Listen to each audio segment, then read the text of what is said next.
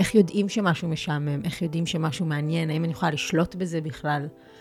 ואז משם זה התקדם לשיחה שנפגשתי עם ננה אריאל, שהיא זאת שכתבה את הספר הכי משעמם בעולם. רציתי בכלל לראות מי, מי בצד השני ש, של היצירה הזאתי, אה, ולשאול אותה אם היא בכלל מעוניינת, ש... אם היא נותנת גילית, לי... אבל גילית למה היא כתבה את זה, או מה הניע אותה לזה?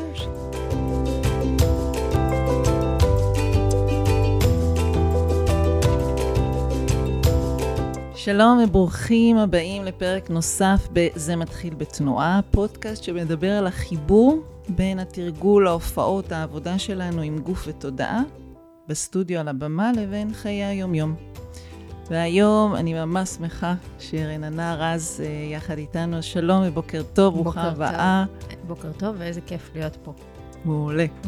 אה, ונתחיל רגע מתוך אה, שאלה שאותי מאוד מסקרנת. אצלנו אין small talk, זה ישר לעומק. ואחד הדברים שאני מסתכלת עלייך שנים רבות, זה מקום שמתעסק, לפחות בהבנה שלי, במנגנונים, באיזושהי התבוננות על מבנים. ובתוך זה גם האופן שבו את יוצרת וחוקרת ומביאה את האומנות שלך, היא מאוד מגוונת. אז אולי רגע להגיד באמת שאת גם רקדנית ויוצרת, אבל בעיקר בשבילי את אומנית רב-תחומית, שמה שמעניין אותך הוא הנושא, וסביבו, זה הפרשנות שלי ותכף את תגידי, את מחפשת את המבנה הנכון לאותו נושא. אז הייתי שמחה רגע לצלול לנקודה הזאת על איך נושא מגיע אלייך, mm-hmm. ואז איך את מפרקת אותו ואיך את מגיעה למבנים, ואולי נגיע גם לדוגמאות. אוקיי. Okay. אז לגבי השאלה של איך נושא מגיע אליי, אמ, אני גם אולי לא הייתי אומרת נושא, הייתי אומרת רעיון. Mm. ואני ממש חושבת שזה, עבורי, זה ממש תהליך um, כמעט מיסטי. אמ, אם הייתי צריכה למצוא דימוי לדבר הזה, אז אני שומעת פעמונים. זאת אומרת, כשאני נתקלת באיזשהו רעיון שאני מרגישה שקורה לי, אני ממש שומעת כזה גלינג, גלינג, גלינג, גלינג, כאילו, הוא תובע איזושהי תשומת לב ממני, והוא אומר, יש פה איזה משהו, תתחילי, תתחילי לחפור בתוכי. אמ, וזה, והרבה פעמים אני גם ממש כבר מזהה את התחושה בין רעיון שאני מרגישה שהוא ממש, את יודעת, כמו כשאת מגלה מתכות, אז הצפצוף הוא חזק או הוא קצת עמום. יש רעיונות שאני מרגישה שאני... הם שם, אבל הם עוד לא, הם עוד לא, אני עוד לא מספיק קרובה אליהם בשביל שהם יסעירו אותי כל כך. ויש רעיונות שאני פשוט, איך שאני חושבת אותם, או הם בתוך התודעה שלי, אני מרגישה שזה משהו שצריך לקרות. ואז אני מתחילה לברר, אוקיי, איך הדבר הזה הולך לקרות? מה זה בכלל? מה זה הדבר הזה בעולם? כי במקום עמוק, אני באמת מאמינה שאנחנו כלים של רעיונות. אני לא חושבת שאני יושבת ואני ממציאה איזה, איזה משהו חדש, או... אני בדיוק שמעתי הרצאה של אה, יערה קידר לפני אה, שבועיים על קארל לגרפלד וקוקו שנל, והיא אמרה שם ציטוט ש... אני לא זוכרת, אני חושבת שזה היה של קארל לגרפלד, שהוא אמר, אם, אה, אם מישהו חושב שהוא המציא משהו חדש, כנראה שיש לו בעיה בזיכרון. ומאוד הזדהיתי עם זה. זאת אומרת, אני חושבת שאנחנו חיים בעולם שכבר הדברים האקוטיים הומצאו. ו- ואני עסוקה ב... בלגלות אותם. אני חושבת שכל בן אדם הוא כלי מאוד אחר, והרעיון מתגלה דרכו בצורה אחרת. זאת אומרת, אותו רעיון, אם יהיה אותו לשתינו, כל אחת תגלם אותו בעולם בצורה שונה, וזה זה, המעניין. אה, אבל אני לא חושבת שאני ממציאה דברים, ולכן אני גם ממש, כש, כשהרעיון הזה מגיע אליי, אני מרגישה שאני צריכה לשרת אותו באיזשהו אופן. אז אני ממש כמו, כמו משוחחת איתו, ושואלת אותו, מה אתה רוצה להיות בעולם? איך אני יכולה לעזור לך אה, להתגלם? אז כשנגיע רעיון, ואולי תכף ניכנס לדוגמה אה, להופעה האחרונה שאני יודעת עליה, יש כמה, אה, ההצגה הכי משעממת בעולם. בעולם. אה, רגע, נגיד הנושא הזה של שעמום, שעלה. כן. תכניסי אותנו למה קורה, יש את התחושת גוף, הפעמונים האלו היא בטח איזו תחושה כזאת. את אומרת, אוקיי, משהו המציאות קורה לי, mm-hmm. ואז עולה הנושא. ואז מה קורה? את רושמת, את הולכת ויש לך איזשהו נוהל של עבודה, איך זה, איך זה, איך, איך המחקר הזה קורה? מה קורה uh, שם? אין לי נוהל של עבודה. גם כל רעיון הוא מזמן פרקטיקה אחרת. Mm. אז uh, אני גם מאוד לא רוצה להכניס את עצמי לאיזושהי תבנית, אפרופו מנגנונים, שימנעו ממני איזשהו משהו חדש שיכול להיות שאני אתקל בו, שהוא לא מוכר לי. אז um, לרוב זה ממש תהליך שהוא פנימי, הוא בתוך הראש. זאת אומרת, אני מבינה שהרעיון הזה מושך אותי, אני, לפעמים זה מגיע עם איזשהו דימוי או עם איזושהי תמונה. Um, אני מתחילה כזה כמו לעשות, um, כמו קיר השראה, אבל בתוך הראש. זאת אומרת, דברים מתחילים להתמגנט לתוך הרעיון הזה. Um, ואז אני, ואז הוא מתחיל לנוע, וה, והתזוזה שלו כל פעם יכולה להיות אחרת. זאת אומרת, במקרה של ההצגה הכי משעממת בעולם, אז אני ממש...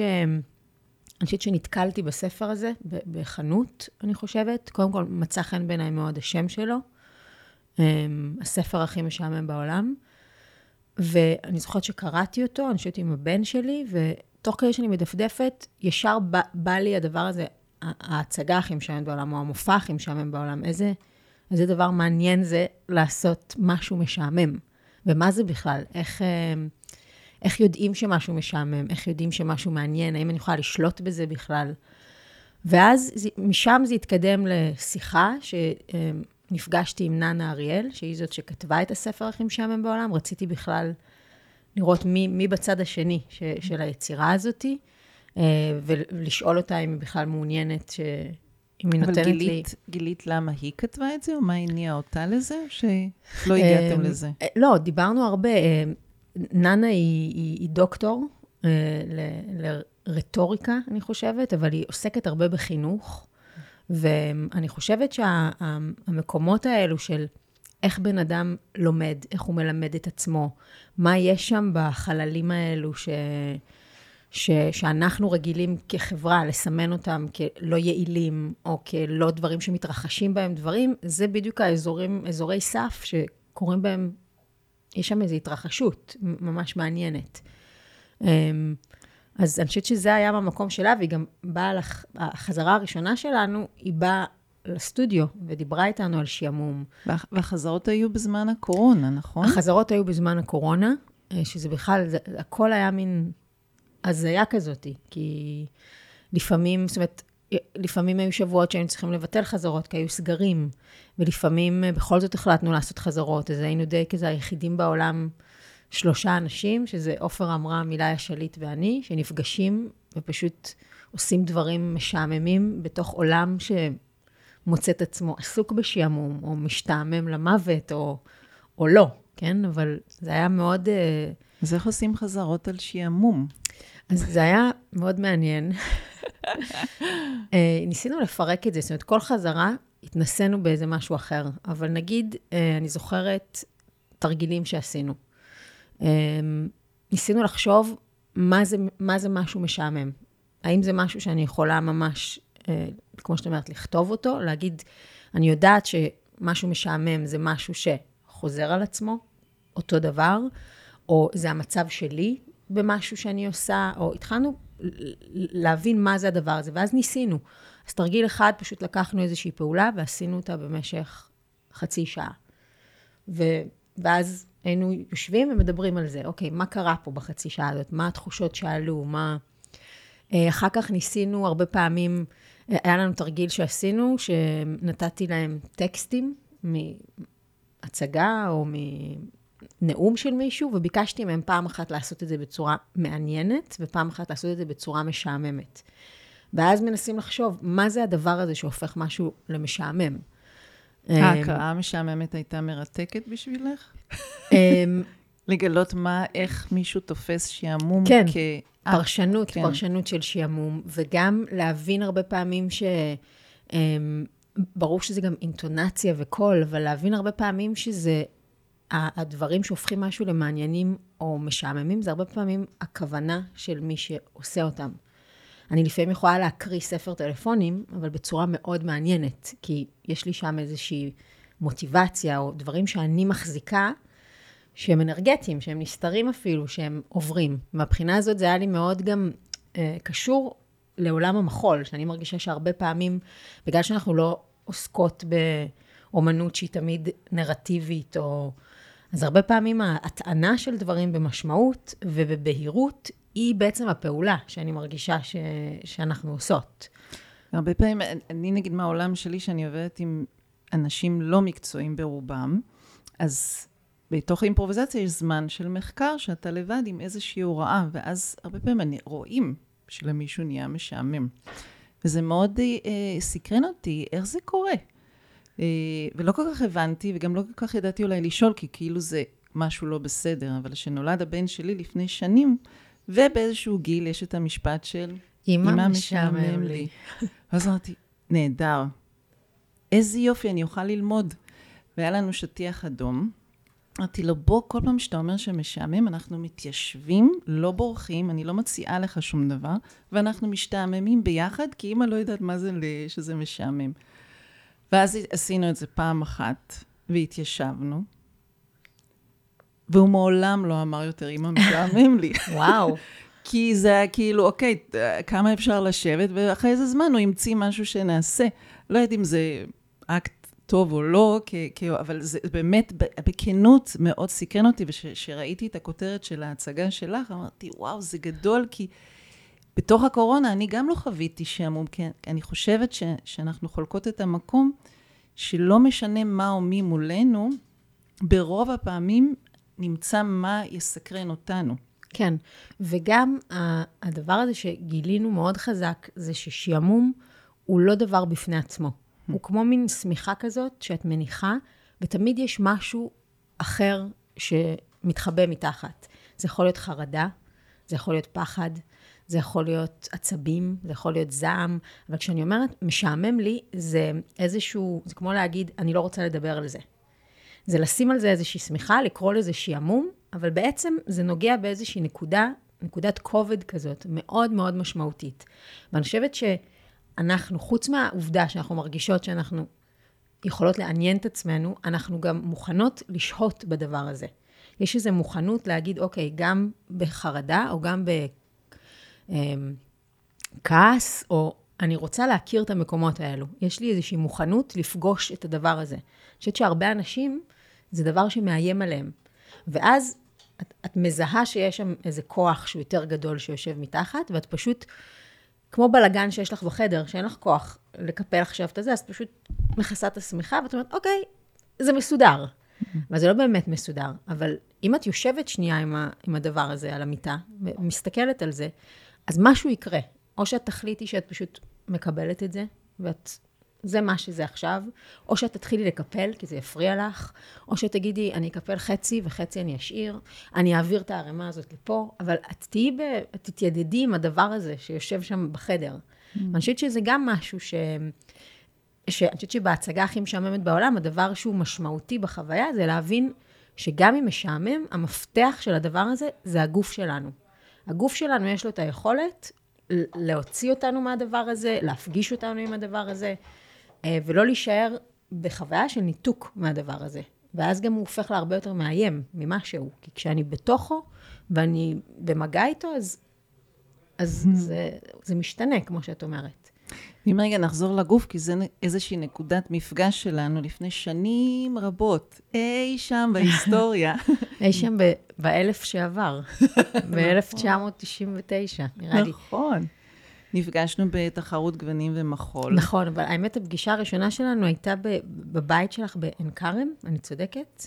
אני, אני זוכרת שפעם אחת נפגשנו, את הזמנת אותי אלייך הביתה, כי את עצרת איזו תוכנית של סולואים בירושלים. נכון. ובאתי אלייך עם קלטת, עם uh, אה, VHS של איזה סולו שעשיתי, וכזה נפגשנו ודיברנו. וואו, זה לא זכרתי. ממש זוכרת את זה, כן. זה מעניין.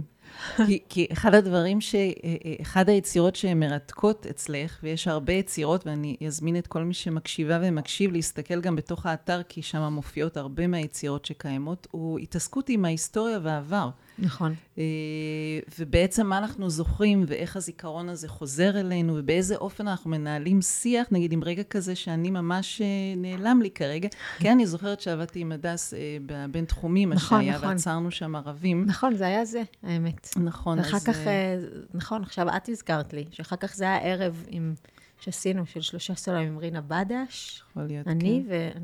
ועוד מישהי ועוד שאנחנו מישהי. לא זוכרות. כן, ואני זוכר. אז, והעבודה הזאת שלך בעצם, גם ההצגה הכי משעממת בעולם, אבל גם עוד יצירות, כמו רימייק, you make, נכון? make remake. כן. וחזרה אל העבר, או איך... אה, דש, דש דש מהעבר. מהעבר. שום שם לא קלטתי, נכון? בסדר. אה. והשימוע, אה, בעצם מתעסקים עם איזשהו אירוע שהיה, בין אם במקום הפרטי או בין אם במקום הציבורי, ובמבנים שונים מנהלים עם זה דיאלוג. אה, לאו דווקא רק פרשנות, למרות שפרשנות היא חלק מהיותנו אומנים, ואני מרגישה שחלק מ... תחילת השיחה הייתה על המבנים, של איך את מייצרת כל פעם מבנים אחרים. זה מעניין שהפרקטיקה שלך היא לא אותה פרקטיקה, ואולי נדבר על זה בסוף, על, על התרגול, ואיך בעצם את, אה, את אומן שופע כל כך, בכל כך הרבה כיוונים. אה, אבל רגע נחזור, את מוצאת איזשהו מקום של שיח שלך עם אירועים מהעבר, אישיים וציבוריים, ואיך זה מגיע כמקור ליצירה להם. כן, אני חושבת שהעניין הזה של מבנים ומנגנונים, אמ, אני יכולה להצביע על שתי נקודות בילדות שלי, שאני מרגישה שהן אה, קשורות לה, להסתכלות הזאת, שאני תמיד אמ, אמ, נמצאת בתוך מנגנון, אבל גם יש לי ממש את הצורך להבין מה זה הדבר הזה שאני פועלת בו. זאת אומרת, ממש לעשות מין זום אאוט, ולהבין את המערכת שאני בתוכה. אז אני חושבת, אמ, אחד, זה קשור לאימא שלי. אני חושבת שמגיל מאוד מאוד צעיר, אמ, נגיד, זיכרון שאני זוכרת, נולדתי בפתח תקווה, והייתה לי, הייתה לי ילדות מאושרת, ממש. כזה הייתה לנו שכונה, וירדנו למטה, והיו עוד פרדסים, והיו לנו הרפתקאות, וקראתי ג'ינג'י, וכזה הרגשתי שהחיים שלי זה, זה החבורה של ג'ינג'י, ו, אמ, ואני זוכרת שאימא שלי מסיעה אותי לחוג בלט, אנחנו נוסעים באוטו, אנחנו עוברים ברחובות פתח תקווה, שזה העיר שלי, ואימא שלי אומרת מין, כל כך, תסתכלי כמה מכוער פה, על, ה, על הארכיטקטורה של העיר. ואני חושבת שהמשפט הזה, זאת אומרת, מצד אחד, אני ילדה, אני בתוך החוויה, אני, אין לי את ה... אני לא מבוגרת, אני לא מסתכלת על משהו וחושבת, זה מכוער, זה יפה, זה... אבל זה שאימא שלי, שהייתי, שאני מאוד קשורה אליה, אומרת לי את המשפט הזה, אני בשנייה, יש לי מין כזה, ואני מתחילה להסתכל על הדבר הזה מהעיניים שלה. ואני בכלל מתחילה להבין, הם, יש לי בראש עוד קול, שהוא מין קול ביקורתי כזה, על מה ש... לא שיפוטי, אלא באמת ביקורתי. אני זוכרת אותה לוקחת אותנו לבית כנסת בחגים, אנחנו בעזרת נשים, אנחנו כן בתוך המהלך של להיות בקשר עם העולם היהודי-תרבותי, אבל אני שומעת את אימא שלי אומרת, למה אנחנו צריכות להיות בעזרת נשים? למה אנחנו לא יכולות לרדת למטה ולהיות ליד הספר תורה? זאת אומרת שיש איזה שני פסים שמתנהלים במקביל, הם לא מנותקים אחד מהשני, של להיות בתוך החוויה, אבל גם להבין שאפשר להסתכל עליה גם בצורה אחרת.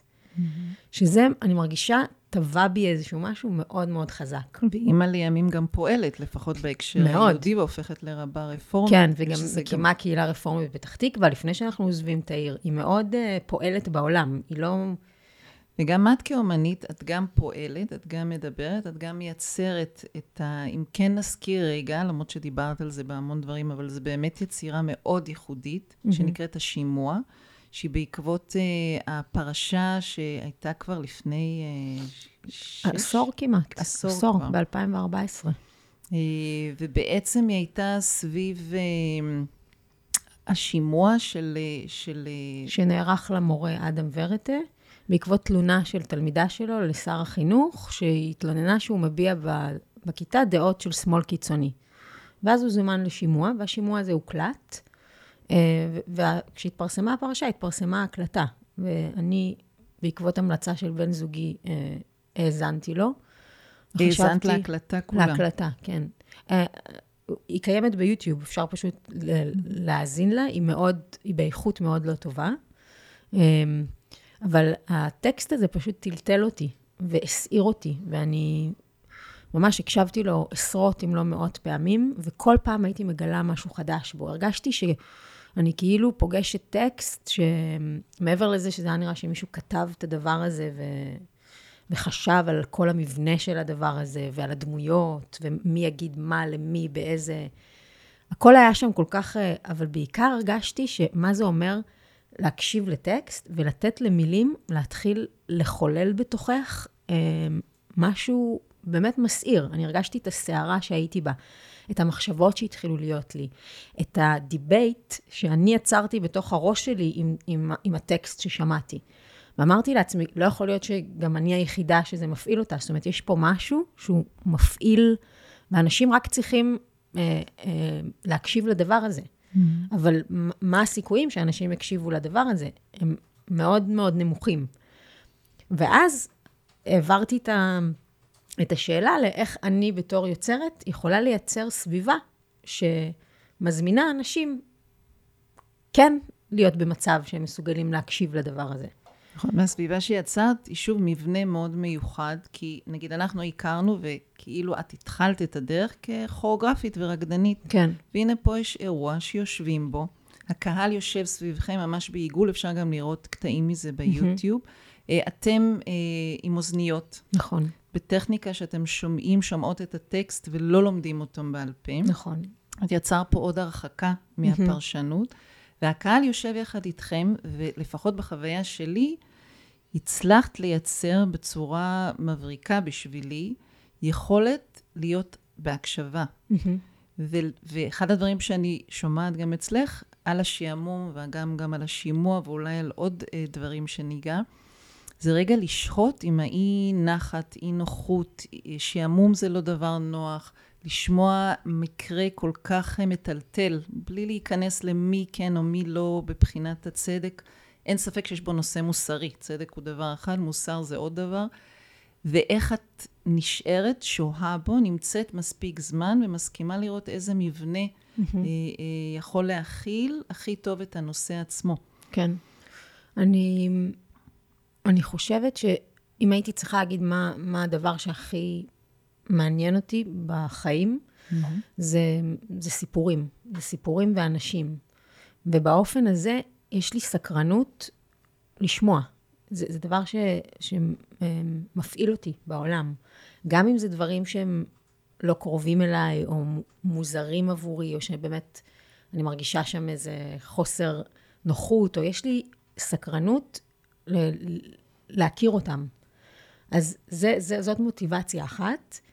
מוטיבציה שנייה, אני חושבת שהיא קשורה לגוף באופן שאני אני מרגישה איך הרבה פעמים דרך הגוף הדבר הוא הרבה פעמים קונקרטי, ויש לו תמיד עוד איזשהו מימד שהופך את, ה, את הפעולה למשהו מעבר לגוף. זאת אומרת, אני מרגישה שמה שאני אוהבת בריקוד או במחול, זה מצד אחד לכולנו יש גוף, ומה שאני אעשה עם הגוף שלי מתקשר ברמה מיידית, אבל יש עוד איזשהו level שמחזיק איזשהו סוד, או משהו יותר uh, מטאפיזי, הייתי אומרת, אבל זה הכל מתרחש דרך הגוף. ובאופן הזה אני מרגישה שכשאני מוצאת משהו ש, שמעניין אותי או מרתק אותי, מאוד מעניין אותי להבין מה בדבר הזה הוא הדבר הקונקרטי, זאת אומרת, לצורך העניין בשימוע, מה הופך את הפרשה הזאת למשהו מאוד ישראלי, לוקאלי, אה, שקורה כאן ועכשיו ב-2014, אבל באותו הזמן, איך הדבר הזה הוא משל על משהו הרבה יותר גדול מחוץ, זאת אומרת, הדבר הזה מתקיים בתוך המציאות ומחוץ למציאות בו זמנית. הוא יוצר איזושהי, איזשהו משל על, על החיים שלנו ועל מקומו של האדם בעולם, והמערכת יחסים בין אדם למערכת, והמקומות האלו שאני מצליחה דרך יצירה, או דרך מחשבה, או דרך שהייה, להבין משהו עמוק על הדבר, שהוא לא רק uh, מה שרואים בעיניים ומה שחושבים שהגבולות שלו, זה, זה מקומות ש, ש... בשבילם אני עושה את מה שאני עושה. שכאילו אם הייתי מנסה לתאר, תגידי לי אם את מסכימה, זה משהו שהוא גם מאוד מאוד אישי, איך זה ממש מרגיש לך בלב, בגוף, בתחושה, ואז יש גם איזו הרחקה של מה ההקשר הכללי של זה, כאילו מין זום אין, זום אאוט כזה, כן. מאוד, אה, שגם זה, זה, זה נשמע לי לפחות מבחוץ, כמעבר שקורה לך די בקלות מהמקום הזה, שאת מבינה שהאישי הוא גם ציבורי, אבל רגע לשהות בזה, כי אם קופצים מהר מדי, אז גם מאבדים רגע את הדרך הייחודית שלך למצוא שם משהו. כן. זה, זה מרתק. כן, זו הבחנה, זו הבחנה יפה, ואני איכשהו אינטואיטיבית זה קופץ לי, גם הקשר של זה ליהדות באיזשהו אופן, לעולם היהודי שאני גדלתי בו, אה, וחונכתי לפי הרחב, שהרבה דברים הם, הם, הם ב, ב, במיקרו שלהם, אבל הם תמיד תמונת מראה של, של איזושהי תוכנית בריאה, או, mm. או גם כמובן דברים שאימא שלי מדברת עליהם, שאני ממש כזה, את יודעת, המושג הרביצה בי תורה הוא... הוא, הוא ממש אה, כפשוטו, זאת אומרת, אני ממש מרגישה שקיבלתי את זה בבית. אבל להבין ש... אמ, אמ, מחזור של, אה, של, של בריאת העולם, אפשר להסתכל על זה, אוקיי, שבעה ימים, ראשון, שני, אבל זה לא משנה, זה להבין ריתמוס שיש בחיים, ויש אותו בתוך הפעימת לב שלי, אבל הפעימת לב הזאת מעידה על, על פעימה שיש ביקום, בין כולנו, בין כל האנשים. ואז כשאני מרגישה קצב, או חווה קצב, יש, יש בזה משהו נורא נעים. ברור שאני אכנס לסטודיו ואשים קצב, אני אקבל אה, תגמול על הדבר הזה מיידי, אבל זה לא סתם שאני מקבלת את התגמול המיידי הזה, כי זה קשור למשהו הרבה יותר רחב. אני מתחברת לפעימה של היקום באיזשהו אופן. Mm-hmm. כשאנחנו עושים את זה, אנחנו אה, חווים משהו שהוא, שהוא עצום. אז, אז לעשות את הזום אין ואת הזום אאוט, להבין שאנחנו חלק מאיזו תמונה יותר גדולה, זה תמיד משהו שהוא מעניין אותי בתוך הדבר הזה. כן, וה, והרוח, או הרמה הרוחנית, או איך שנקרא לזה, אמונה, כל מילה שקשורה לזה, היא חוזרת, ו, ואצלך, אני שומעת אותה גם כששמעתי רעיונות אחרים אצלך, וגם באיזשהו אופן, אה, זה הפרשנות שלי, תתקני אותי, אה? אבל כאילו, אני, כשמסתכלים על קריירה כל כך ארוכה והיא כל כך מגוונת, כל mm-hmm. יצירה היא כאילו גם משהו בפני עצמה ויכולה להתפתח עוד הרבה שנים, ועדיין יש איזה קו נסתר שמחבר את כולם. כאילו אני מנסה כל פעם לעלות על הקו הזה בין האישי לציבורי, בין איזה נושא בוער, כמו השימוע, כמו השעמום, כמו החזרה ההיסטורית הזאת אה, ביוטיוב, כי היוטיוב, מה שאמרנו, הדש מעבר ועוד הרימייק, יומייק, זה בעצם מקומות שהיוטיוב היה כל כך חזק mm-hmm. כתופעה, ובמקום רגע לבקר אותה, שהית בה ואמרת, אוקיי, בוא נראה מה עושים איתה ואיך הופכים אותה למקום שהוא גם פיוטי אומנותי, אבל גם יש שם מחקר של תופעה עצמה, mm-hmm. שאת ומי שנמצא סביבך, ובטח הצופים, וגם זה הלך לבתי ספר, אני יודעת, כן. בכל מיני אופנים. ועוד נקודה שנפגשנו בה, שהייתה בשבילי עוד יותר מפעימה, אה, מפעימה ברמה של החיבור שלי ושלך ממרחקים על אותו נושא. ואני אקריא רגע את הטקסט, כי ממש התרגשתי ממנו, ותוך כדי כתבתי, אחר כך מצאתי את זה ביוטיוב, אז, אה, אה, ואני אקריא רק חלקים ממנו, ובעצם סולו יפהפה, הוא נמצא ביוטיוב, ממש ריגש אותי, אמרתי, וואי, אני אעשה בדיוק אותו דבר, לא. נפלא, שבכנס שנקרא בידו, שהוא היה עמותת בידו בכנס יו, שזאת שיטה שאנחנו לא ניכנס אליה כי היא מאוד מסובכת להסביר, אבל היא מדברת על החיבור, בשבילי לפחות, בין תודעה ותקשורת, אה, ונוגעת בהרבה מאוד אה, נושאים בעולם, מביאה להם אה, תרגולים. אבל הנושא המרכזי היה, אמרת שאת אוהבת להקשיב לסיפורים. זאת הקשבה בעצם בשבילי, כן. שיטת יו. אז הנה טקסט שלך, אני אנסה להקריא את זה בצורה משעממת. מחשבה היא תנועה, רעיון שמתחיל בנקודה מסוימת, וזז עד שהיא מגיעה לנקודה אחרת. כשאני זז, המחשבות שלי זזות מהר יותר. כשאתם יושבים, המחשבות נינוחות יותר. אם אני אזוז אחורה, דילגתי פה, אם אני אזוז אחורה, יכול להיות שהמחשבות שלי יזוזו אחורה? אם אלך הרבה זמן אחורה, אתחיל להיזכר בדברים שהייתי קטנה? אם אני מסתובבת, המחשבות שלי בלופ? אם אני מסתובבת את המחשבות שלי בלופ. אם אני זזה עקום, אני יכולה לחשוב ישר? על מה אתם חושבים עכשיו? נסו לתפוס מחשבה אחת שלכם. אם אתם חושבים על משהו עכשיו, זה אומר שאתם כאן נוכחים, או בורחים מהגוף שמזכיר לכם משהו. הגוף מזכיר לנו נשימה, כפות ידיים, לשון, רוק, האור. האור. תרגישו את האור שלכם. משהו שתמיד נמצא שם, ואנחנו לא תמיד שמים לב. לא תמיד מבחינים בו. אתם מבחינים במי שיושב לידכם? האם אתם מכירים בו? בואו נרים עיניים ונסתכל רגע. וכששמעתי אותך אומרת את הטקסט הזה, ויש גם מדי פעם תנועה ורק מילה, אז גם עכשיו אני מתרגשת, וגם כשראיתי אותך מאוד התרגשתי, כי בשבילי כל הסיפור שהתחיל אי שם בגוונים ומחול, בתוך התחרות הזאתי, שלא לגמרי הבנתי, כי ההיסטוריה שלי היא לגמרי שונה משלך. אני נכנסתי אז רק כן. לעולם, לא גדלתי בתוך הסטודיו, ואף פעם לא הבנתי את האהבה הזאת ל-one, two, three. תמיד התחלתי one, וזהו, זה נגמר לי שם. ולשנים הבנתי שהמקום שלי הוא בין התודעה והתנועה. פשוט אז לא היו לי מילים. וכששמעתי אותך אמרתי, הנה מישהי שבאה כאילו מכיוון אחר, מתעסקת בזה. אז, אז גם אם את יכולה רגע לספר על החיבור שלך למחקר הזה, או ל-you, מה שתרצי רגע לשתף, אה, וגם איך, איך הסולו הזה נגיד נוצר.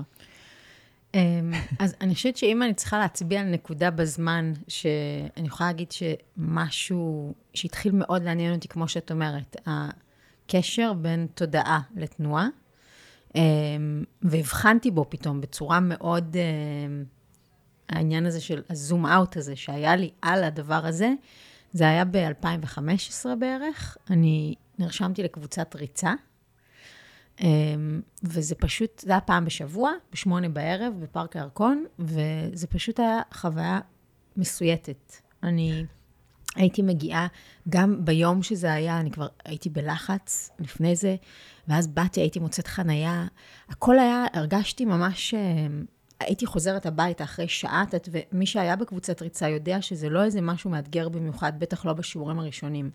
רצים איזה 300 מטר, ואז עושים חימום, ואז נותנים לך מין תרגילים כאלו של תרוצי 200 מטר, עכשיו תרוצי עוד 200 מטר אחרת, עכשיו, זה מאוד מיילד. Uh, ואני הייתי מסיימת את השיעורים האלו גמורה, פשוט זכותה ברמות שאני לא הבנתי מה קורה לי.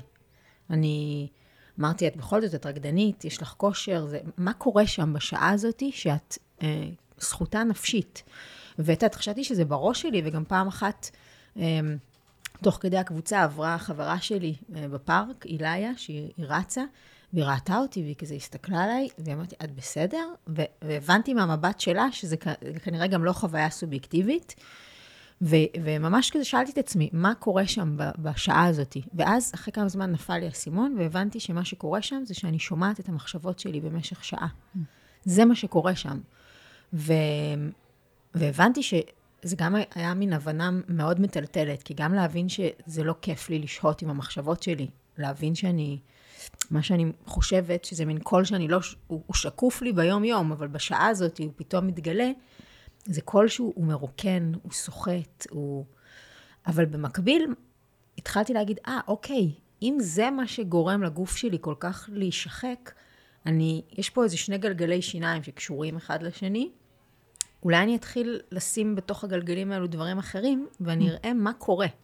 אולי אם יהיו לי מחשבות אחרות בראש, הפעולה של הריצה תהיה בשבילי אחרת, או אם אני אתחיל לרוץ אחרת, משהו ישתנה לי במחשבות. וזה היה טריגר מאוד מאוד גדול עבורי, שבעקבות זה גם יצרתי שתי עבודות ריצה, ממש... אה, שבפסטיבל אה, אצל אחת הייתה במקודשת, זו כבר הייתה העבודה השנייה. העבודה הראשונה הייתה עבודה עם איליה בפארק, שבעצם הזמנתי אנשים אה, דווקא לא לרוץ, אלא להתבונן על פעולת הריצה. והעבודה השנייה כבר הזמנתי, זאת אומרת, זה היה ביחד עם גל פרידמן מציפורלה, וזו ממש הייתה קבוצה של אנשים שיוצאת לרוץ, קראנו לזה עבודה באורך חמישה קילומטר.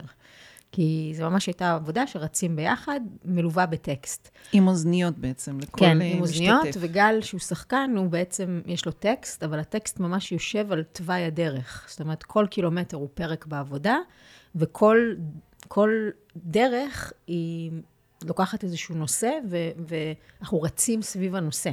זאת אומרת, אם מגיעים בדיוק לעלייה, אז פרק שלוש הוא פרק ש, שקוראים לו קושי. ואז הטקסט שקשור לקושי, את לא רק אה, מדברת עליו, את, את, באותו זמן הגוף שלך באמת חווה קושי. אז יש פה איזה, איזושהי חוויה מאוד מאוד אפקטיבית. אמ, אני חושבת שזה היה הטריגר הראשוני ש, שקרה לי לדבר הזה, ואני חושבת שהדבר המשמעותי השני שקרה זה, זה הקורונה, שבקורונה יודעת, התחילו לדבר על אנשים שהם uh, עובדים חיוניים ועובדים שהם לא חיוניים. הייתה חלוקה כזאת מאוד... Uh, ואני בחוויה שלי הרגשתי שאני מאוד חיונית. אני... שבכלל, שאנשי גוף עכשיו, הם, הם החזית. אנחנו יודעים משהו, אנחנו מבינים משהו על הסיפור הזה, תת, וגם שמעתי את הפרק ש, ששוחחתי עם עינב, קטן, והיא בדיוק דיברה, דיברתם על המפגשים שהייתם עושים בקורונה, העניין הזה של מה זה תנועה במובן העמוק של המילה? מה זה להבין תנועה? להבין שהדבר עכשיו, כולם בפאניקה שכאילו, אלוהים, זה מה שהולך להיות עכשיו? לא, זה לא מה שהולך להיות עכשיו, כי הדברים משתנים כל הזמן. ואיך מתמודדים עם זה, ומה ארגז הכלים שיש לי בסטודיו, אבל הוא פתאום לא בסטודיו, הוא בעולם. ואיך אנחנו יכולים, יכולות לקחת את הידע הזה ו... אז זה היה בשבילי חוויה שהרגשתי שפתאום כל הידע שצברתי כל השנים, הוא לא איזה ידע שקשור לאיזה מגדל שן, לקהילה, קהילת המחול, שזה מושג שאני, יש לי איתו הרבה אה, אי נוחות, לא תמיד, אבל יש בו משהו שנורא מצמצם. אני מרגישה את הפעולה הכל כך רחבה, אנושית ואוניברסלית שאנחנו עסוקות בה. והקורונה הייתה בשבילי, אוקיי, זה, אני פתאום מבינה משהו על המקצוע שלי. Mm. זה לא רק להיכנס לסטודיו וזה לא לעשות הופעות בסוזן דלל, לא רק. זה, זה ענף מסוים שיוצא מגזע שהוא כל כך עתיק ועשיר, ו, ובעיקר אה, אה, נוגע לכולם, כי כולנו הגענו לעולם הזה בתוך גוף. וזה היה דבר ש, שמבחינתי שינה את כל, כל איך שאני גם תופסת את מה שאני עושה באיזשהו אופן. ואני חושבת שהסולו שה, הזה נולד בכלל, במקור, במקור שלו, זו הייתה הזמנה של אה, גיל קרניאל, לאירועים שלו, של ה... יש לו אירועי מדיטציה כאלו, של, של מוזיקה שהוא עושה. אה, כן, כן. והוא לוקח אה, הרבה פעמים מנחים לפני ה... כן, כן, גם אני הייתי שם. כן, כן, אני יודעת. והוא שאל אותי אם אני רוצה לעשות כזה דבר, וכזה אמרתי, לא, לא יודעת, אני כאילו... פתאום לחשוב בכלל על העמדה הזאת של לא רק פרפורמרית, אלא עמדה מורכבת שהיא פרפורמרית, מנחה, מורה, כאילו איך כל הזהויות האלו גם שיש לנו בתוך אה, מה שאנחנו עושות, הן לא חייבות להיות מופרדות, אלא mm-hmm. זה, זה משהו אחד, יש איזה MC כזה שהוא אוגר בתוכו כל מיני דברים. ואז התחלתי להתעסק עם זה. ו- וכמובן שלקראת ה-U, שהכרתי גם את, את כל תיאוריית U, אז היה משהו כזה... שמחבר ש- שם. שחיבר את הכל לשם. ואני יכולה להגיד אפילו עוד משהו שהוא היה מאוד משמעותי עבורי, זה שלפני שנה וחצי עוד מעט, שברתי את הרגל. אמ, וזאת הייתה חוויה בשבילי אמ, מאוד משמעותית גם. אמ, כי פעם שנייה הפסקת ממש לתרגל. את, את בעצם נכנסת לסטודיו, את אמרת שאין לך פרקטיקה, אבל את הרבה בסטודיו כן, אני הרבה בסטודיו. אני שברתי את הרגל גם בזמן הופעה, שברתי אותה בהצגה הכי משעממת בעולם. שלא היה משעמם. שלא היה משעמם בה באותו ה...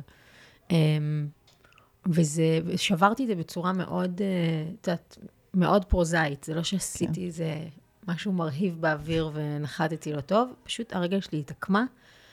באתי לזה עם המון uh, מומנטום ומשקל, שהיו עליי גם עוד שני רקדנים, ופשוט כאילו, וגם שמעו את זה, כאילו, ו...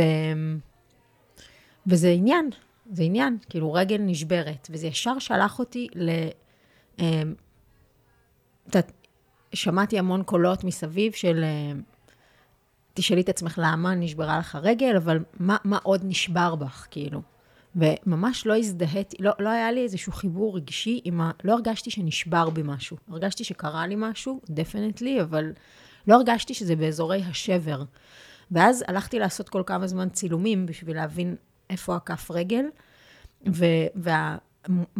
כאילו, כשהיו כותבים כזה סיכום של הצילום, אז אה, אה, הרופא היה כותב, אה, העמדה נראית תקינה. ופתאום המילה הזאת, עמדה, הרגשתי ששם אני, אני מוצאת את עצמי.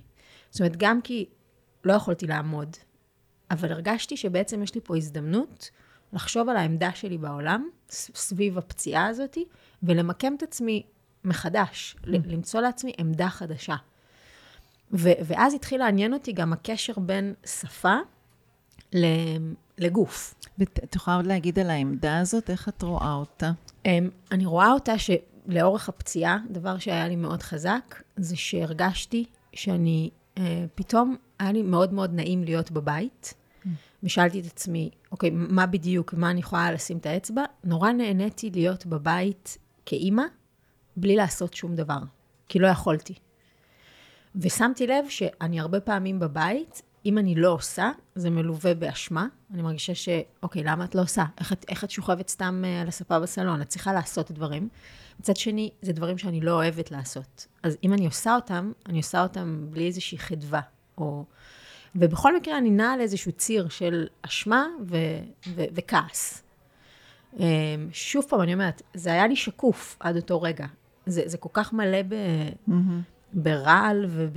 אבל אני, זה, זה כאילו אנחנו רגילים, אנחנו כן. רגילות שזה בראש, אבל פתאום התשומת לב הזאת של להסתכל על זה ולהגיד, נורא כיף לי להיות בבית עם הילדים שלי, וכיף לי שאני לא צריכה לעשות כלום, ולהכיר בזה, ו-to own it. שזה מחזיר אותי רגע, ככה מקפיץ אותי לתחילה, לדיבר על שעמום, ושלפחות בשבילי חלק מהמקום שכן עולה בשעמום, כי ברור שאני יכולה לצפות במשהו ולחוות שהעניין שלי יורד, הוא פיצול. הוא פיצול שלי מתוך הדבר, ולא משנה אם הוא יכול להיות חיובי או שלילי, זה לאו דווקא רק ביקורת, אלא כן. פיצול מתוך המקום, שזה גם משהו שבסולו היה מאוד יפה להראות בין מתי המחשבה היא מחברת לתוך הגוף, ומתי המחשבה יכולה לקחת אותי למקום אחר, אבל זה לא אומר שאני לא בנוכחות, כן. אני בנוכחות. לדמיין משהו שאנחנו יודעות שאנחנו, זה חלק מרכזי בעבודה שלנו לדעתי. כן. גם לדמיין וגם להיות בעוד עולמות. אבל אני מרגישה שהנושא של חיבור או פיצול, הוא לפחות בשבילי ציר מרכזי בלמה מעניין אותי לזוז. כי אני מרגישה שכשאני זזה וכשאנשים זזים איתי, יש יותר רגעי חסד של חיבור. וביום יום זה לא שחייבים רק או לרוץ או לרקוד או whatever, פיזי, אבל כן צריך רגעי חיבור שיכולים לבוא בהמון המון אופנים, כי אני יכולה גם לשבת היום ולכתוב ולהרגיש רגע חזק כמו שהרגשתי בסטודיו פעם שאני רוקדת, שזה גם משהו שהוא משתנה כל הזמן. כן. ואני שאלתי על העמדה, כי, כי אני, אני ממש רוצה להגיד, אחד, שאני מתבוננת עלייך כל השנים מהצד, אנחנו, אנחנו לא כל הזמן נפגשות, זה כזה יוצא לנו, ותמיד יש בי איזה מקום שאומר, וואו, איזה אומץ. תמיד המילה אומץ עולה לי. ורציתי לשתף אותך שזה התחיל עוד ממש כשהתחלנו בגוונים ומחול. אני עוד פעם חוזרת, אני עושה דש מהעבר. כן. שהגענו ונעמי פרלוב הייתה היועצת או המנהלת אומנותית של הדבר. כן. כל אחד הביא, אני הבאתי סולו, את הבאת סולו, לדעתי רובנו הבאנו סולואים או דואטים או טרים, וכולנו עברנו שם ואני בטח עברתי המון טלטלות ביחס לביקורת ופידבק שנאמרו לפעמים בקולות ולפעמים בעדינות ולפעמים לעניין ולפעמים... וכל פעם הייתי חוזרת והייתי במין, מה אני עושה, וכל הפו, הריקוד שלי התפרק ואיך מרכיבים מחדש, וטלטלה אמיתית. כן. בין אם היא נחוצה או לא בעולם זה משהו אחר. ולפחות בהסתכלות שלי, איפה לא פתחתי, אני מקווה שזה בסדר עכשיו, את נשארת עם הסולו. לא שינית. לא הזז דבר, הקשבת לה בהרבה ריספקט, למדת, יש מלא מה ללמוד ממנה, עד היום אני יכולה ללמוד ממנה מלא מנעמי. ואני זוכרת שהסתכלתי בהתפעמות אינסופית. אה, אני פשוט מנסה לא להגיד הערצה, ואמרתי, כי אני כל כך מושפעת, וזה כל כך טלטל אותי כל פעם, ואת באת, אמרת, זה הסולו, והקשבת לגמרי, כן. אבל נשארת. מעניין. זה הזיכרון שלי, אולי זה בכלל לא מה שהיה. אה, והיה משהו לאורך השנים שאני מרגישה בך, שוב, מהצד כצופה, שאת הולכת עם משהו שהוא, שתיארנו אותו בפרק, המון פתיחות והמון הסכמה לגמישות, להניח לגמרי את הגוף כרקדנית ולעשות משהו שהוא אה, קשור לגוף באופן אחר, כמו ריצה או כמו לשבת בש... ובו זמנית יש קו מאוד בהיר שנשאר. מאוד יציב וחזק שלי מתחבר תמיד למילה, שאולי אני מחפשת אותה יותר בתוכי, שזה אומץ. Mm-hmm. ומשהו בתוך השיח עכשיו, אני מנסה ככה להגיד במילים, הוא באמת בין ה... משהו מאוד אישי, פרטי, ומשהו מאוד כללי. וגם באולי הרוח והאמונה הזאת, וגם משהו שכנראה נולדת איתו, mm-hmm. שהוא מין, אה, זה מרגיש שאת יודעת, את אישה יודעת כזאת על הדבר, על מה עכשיו, ובהקשר הזה אני רוצה, יש גם שאלה בסוף. בהקשר הזה גם לדבר על הפעילות שלך עכשיו בתוך, אה, בתוך ההפגנות שקורות, אה, וזה שהצעת שיעורים פתוחים לאנשים שמגיעים, כי באמת יש גם חוויה של התשה ושל אה, שחיקה. ו, ובאמת כאומן, ש... אומנית, סליחה, שאומרת גם, שמביעה עמדה, ואני מרגישה, נגיד, שלי יש הרבה מה להגיד, ואני, כשאני אומרת, אני מקשיבה לעצמי, אני מה זה עדינה? אפשר להבין אותי גם, אה, את יודעת, עם הנשיא בהרצוג כזה. כן.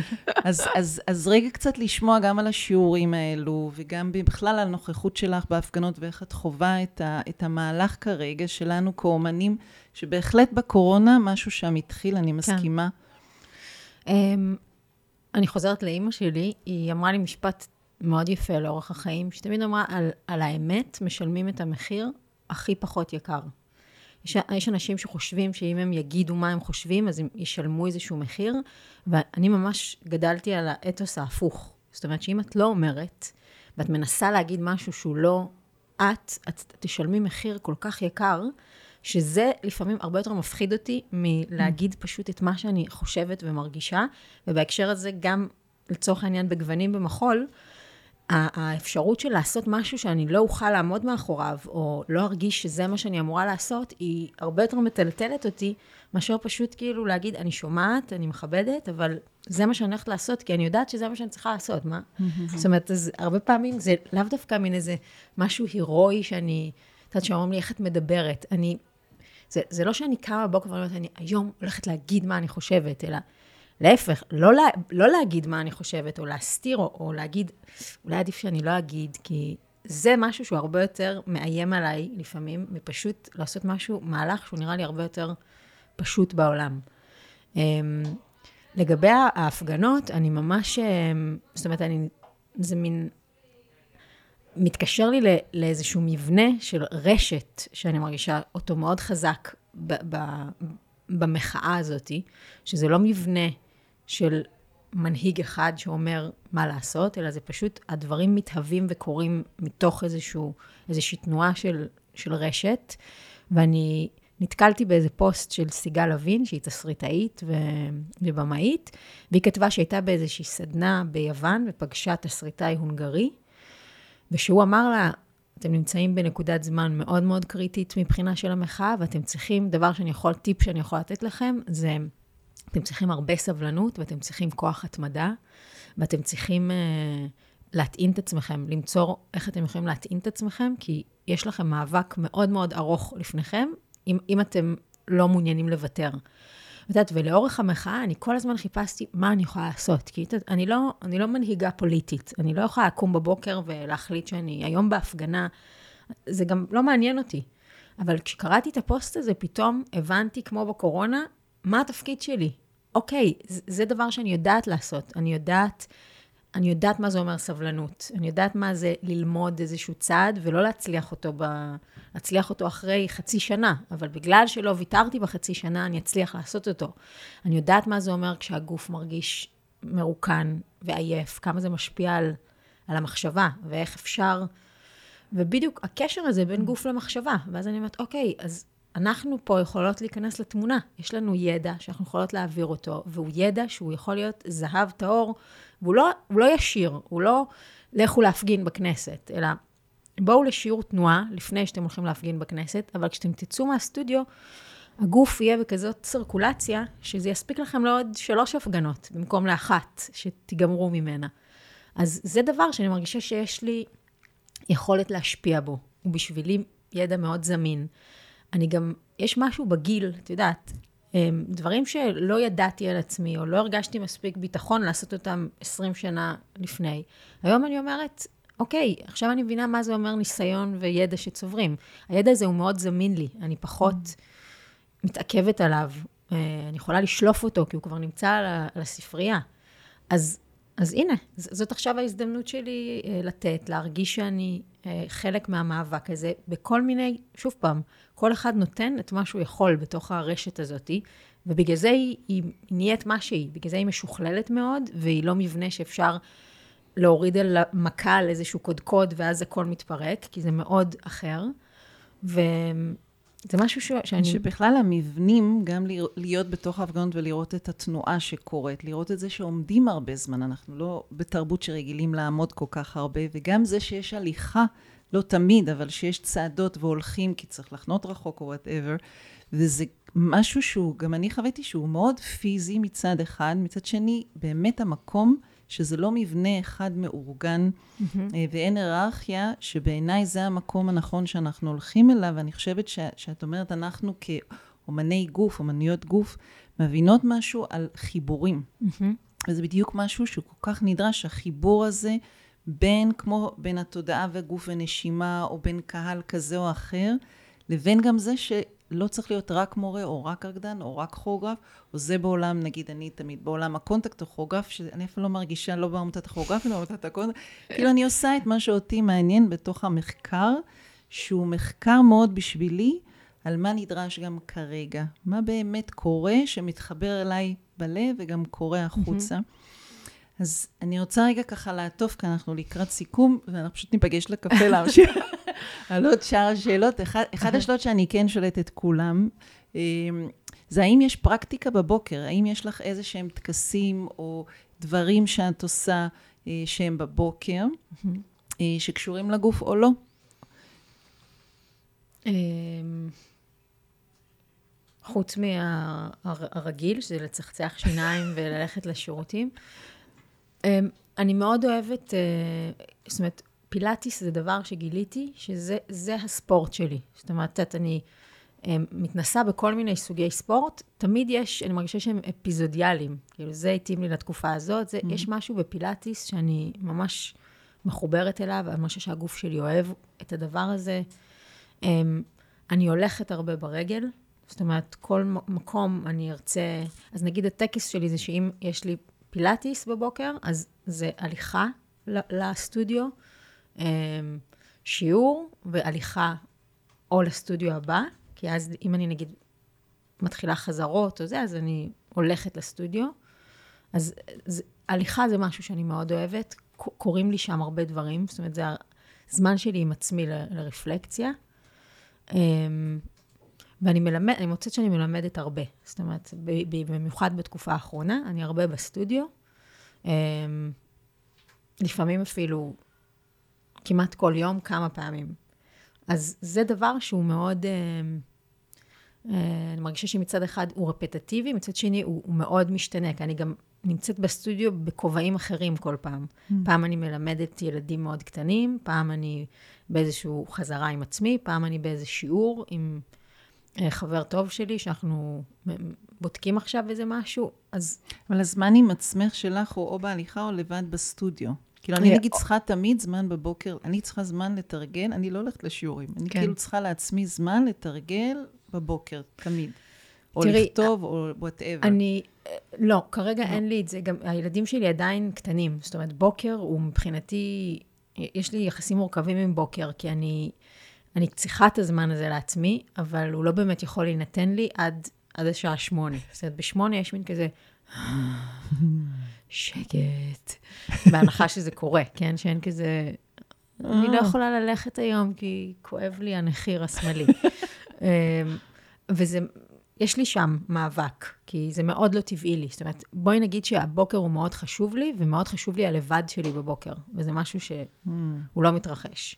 כן. אמ, בינתיים. אולי כשזה, כשהם יגדלו קצת... זה יקרה, זה יקרה. אז, אז כן, אז אני חושבת כן. שאני כן, חשוב לי מאוד בבוקר ההתכנסות הזאת. אז, אבל אני מוצאת את זה דווקא כשאני כאילו יוצאת מהבית. מדהים. כשאני יוצאת מהבית ומשאירה מאחוריי, אז אוקיי, עכשיו אני עם עצמי לבד, ו... כן. אז קודם כל להגיד uh, תודה שבאת. תודה שהזמנת, ואיזה כיף שזה יצא. לגמרי, וגם לאחל ש... באמת היצירה שאת מביאה, לפחות בשבילי, ואני חושבת שלא עוד הרבה אנשים שמגיעים אלייך, היא באמת יצירה בשבילי שמעוררת אותי. לשאול שאלות ולחשוב. שאני נורא אוהבת לחשוב כרקדנית, שאמרו לנו לא לחשוב, אני בעד לחשוב הרבה.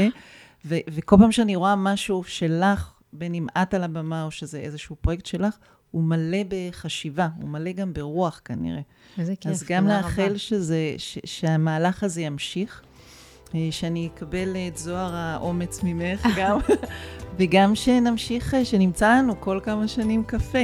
או פודקאסט. אמן, אמן. תודה רבה, רננה רז. תודה לך.